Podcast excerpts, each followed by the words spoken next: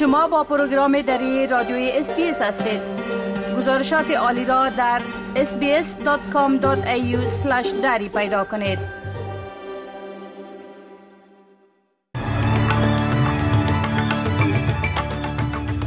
با عرض سلام ما صاحب شکیب شما را به شنیدن مهمترین اخبار امروز 29 ماه جولای سال 2023 دعوت می کنم.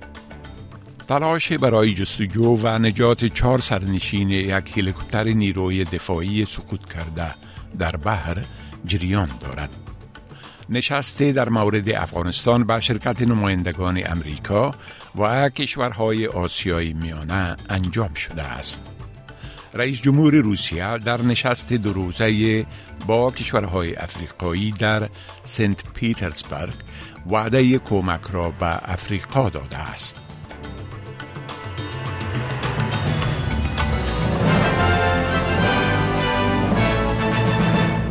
تفصیل اخبار یک مأموریت جستجو و نجات چهار سرنشین یک هلیکوپتر نیروی دفاعی استرالیا که دیشب در نزدیک جزیره هملتون در بحر سقوط کرد راه اندازی شده است.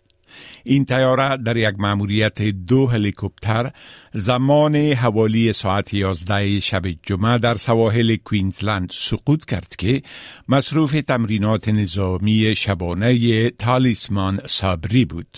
تالسمان صابری تمرینات آموزشی دو هفته نظامی است که سی هزار سرباز از سیزده کشور مختلف در آن شرکت دارند.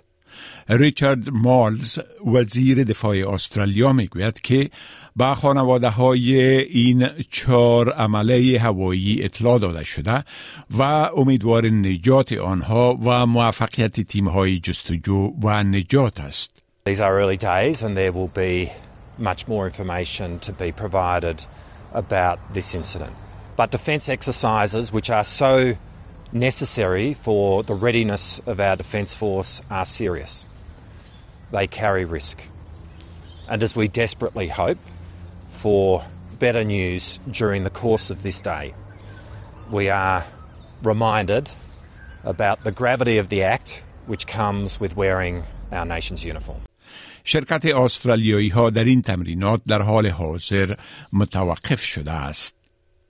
سقوط هلیکوپتر نیروی دفاعی استرالیا و توافق بر تولید میزایل ها در استرالیا در آجندای مذاکرات مشورتی وزیران خارجه و دفاع استرالیا و ایالات متحده امریکا امروز در بریزبون شامل بود.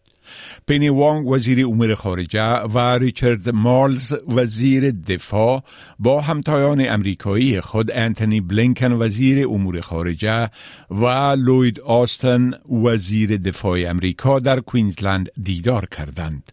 دو جانب به تقویت همکاری در بخش‌های نظامی و امداد بشری موافقه کردند.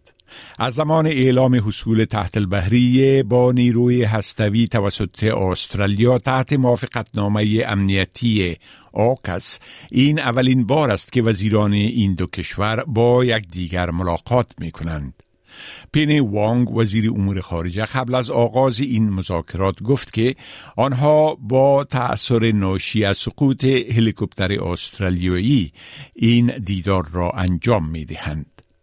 What I was reminded of this morning was it's it is this uh, stark reminder of the risk that the men and women who serve us take uh, and the courage that they show every day in the service of their country.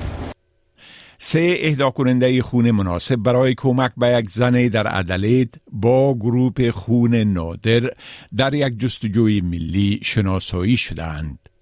این اهدا کنندگان برای کمک به یک مادر دو فرزند به نام امیره که دارای چنان یک گروپ خونی نادری است که از هر ده هزار نفر در این کشور ممکن صرف یک نفر آن را داشته باشد در کوینزلند استرالیای جنوبی و ویکتوریا شناسایی شدند. این خانم 37 ساله در حال حاضر در شفاخانه ادلاید در انتظار عملیات عاجل قلب قرار دارد و قبل از انجام عملیات در جریان آن و بعد از آن به خون نیاز دارد. دکتر جیمز دالی مدیر طبی Lifeblood می گوید صلیب سرخ از پاسخ به تقاضایش برای اهدای خون تا کنون بسیار راضی است اما او مردم بیشتر را تشویق می کند که برای اطمینان از خون کافی برای امیرا در طول این عملیات خون اهدا کنند. We thank everyone who has donated so far and urge the community to continue to donate blood as we look for more matches. Anyone with the group A positive, A negative, O positive, or O negative may be a match for Amira.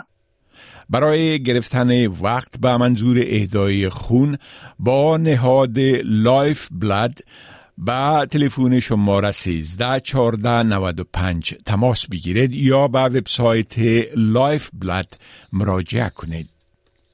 حزب Greens بر های خود در ارتباط با پالیسی مسکن حکومت فدرالی تاکید کرده و در صورت عدم برآورده شدن آنها از حمایت از این پالیسی چند میلیارد دلاری حکومت خودداری خواهد کرد. صدر اعظم انتونی البنیزی از گرینز می خواهد که از صندوق آینده مسکن استرالیا حمایت کند و تهدید کرده که در غیر آن این احتمال وجود خواهد داشت که رای دهندگان به انتخابات زود هنگام فرا خوانده خواهند شد.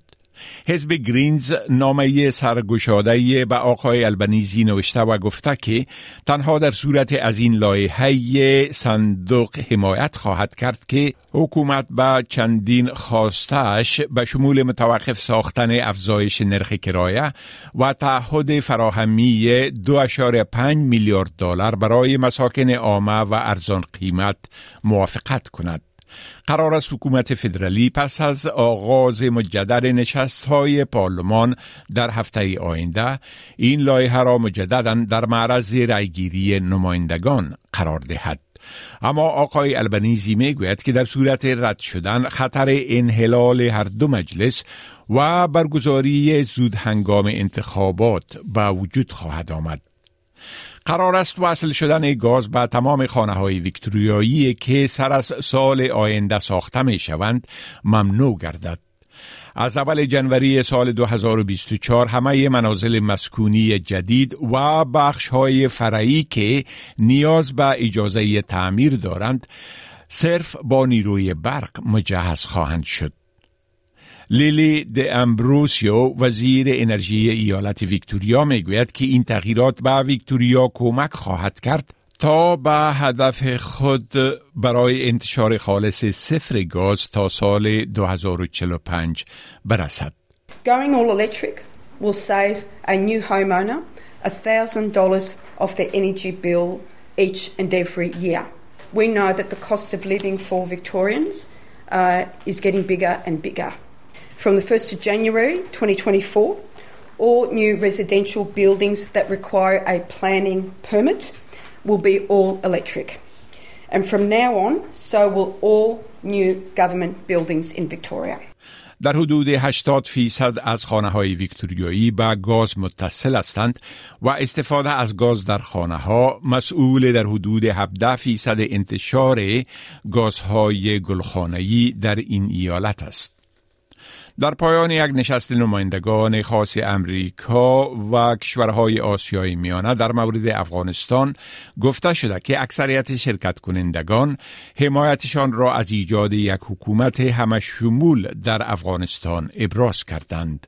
رینا امیری نماینده خاص امریکا در امور حقوق بشر و زنان افغانستان می‌گوید که در این نشست که دیروز جمعه 28 جولای در آستانه پایتخت قزاقستان برگزار شد در مورد ضرورت برای تشکیل حکومت همشمول و تأمین حقوق زنان امنیت و صلح در افغانستان توافق گسترده وجود داشت.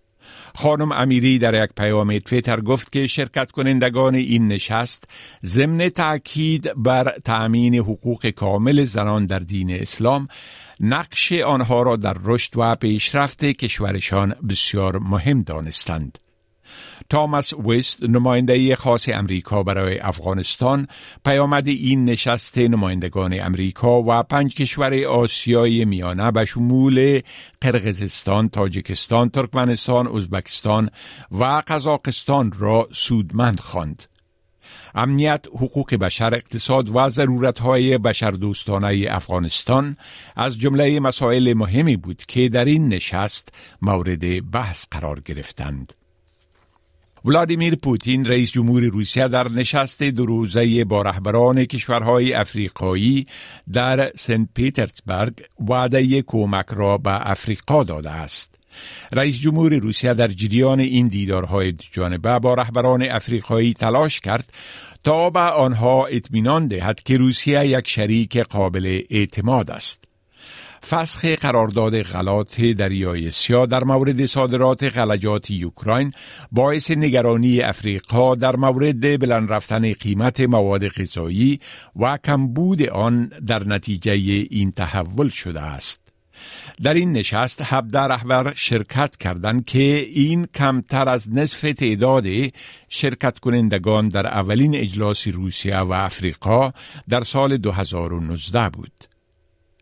ایزیاس افورکی رئیس جمهور اریتریا می گوید که رهبران با ایجاد به اصطلاح نظم چند قطبی موافقت کردند. I think we need to strategize. And I say Russia will have to lead this strategy.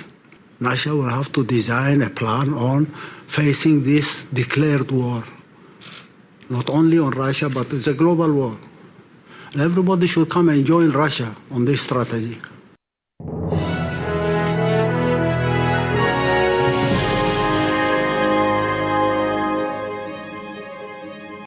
و حال اخبار ورزش ارزش دلار استرالیایی در برابر اسعار جهان و وضع هوا برای فردا.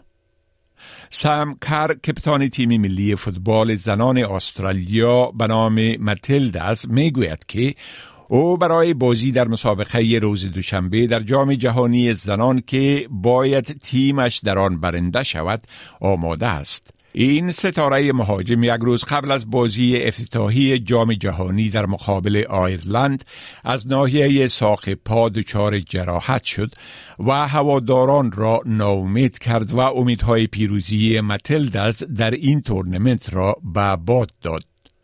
کر امروز در یک کنفرانس مطبوعاتی گفت که به تمرینات در میدان برگشته و سپاسگزار است که مشکل او صرف یک صدمه جزئی بوده است. او می‌گوید که نمی‌تواند جزیات دقیق بازی خود را در برابر کانادا فاش کند اما برای این مسابقه آماده خواهد بود. That's a massive um, thing that the opposition wants to know. And like Tony said yesterday, um, it's going to go down to the wire. Um, I'm definitely going to be available, but how we decide to use that is, you know, not to be given to the opposition, I think is the main thing. ارزش یک دلار استرالیایی در بازارهای تبادله اسعار معادل تقریبا 58 افغانی 66 سنت امریکایی 60 سنت یورو و 52 پنس بریتانوی می باشد. و حال پیشگویی هوا در شهرهای عمده استرالیا برای فردا ملبورن بارش فزاینده 18 درجه سانتیگراد سیدنی آفتابی 24 درجه سانتیگراد کمبرا اکثرا آفتابی 17 درجه سانتیگراد بریزبون آفتابی 25 درجه سانتیگراد ادلید کم بارش 17 درجه سانتیگراد پرت کم بارش 19 درجه سانتیگراد هوبارت کم بارش 16 درجه سانتیگراد و داروین آفتابی 33 درجه سانتیگراد. این بود تازه ترین اخبار از پروگرام دری رادیوی SBS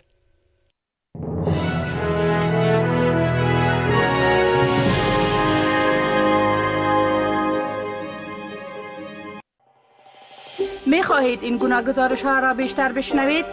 به این گزارشات از طریق Apple Podcast، Google Podcast، Spotify و یا هر جایی که پادکاستتان را می گیرید گوش دهید.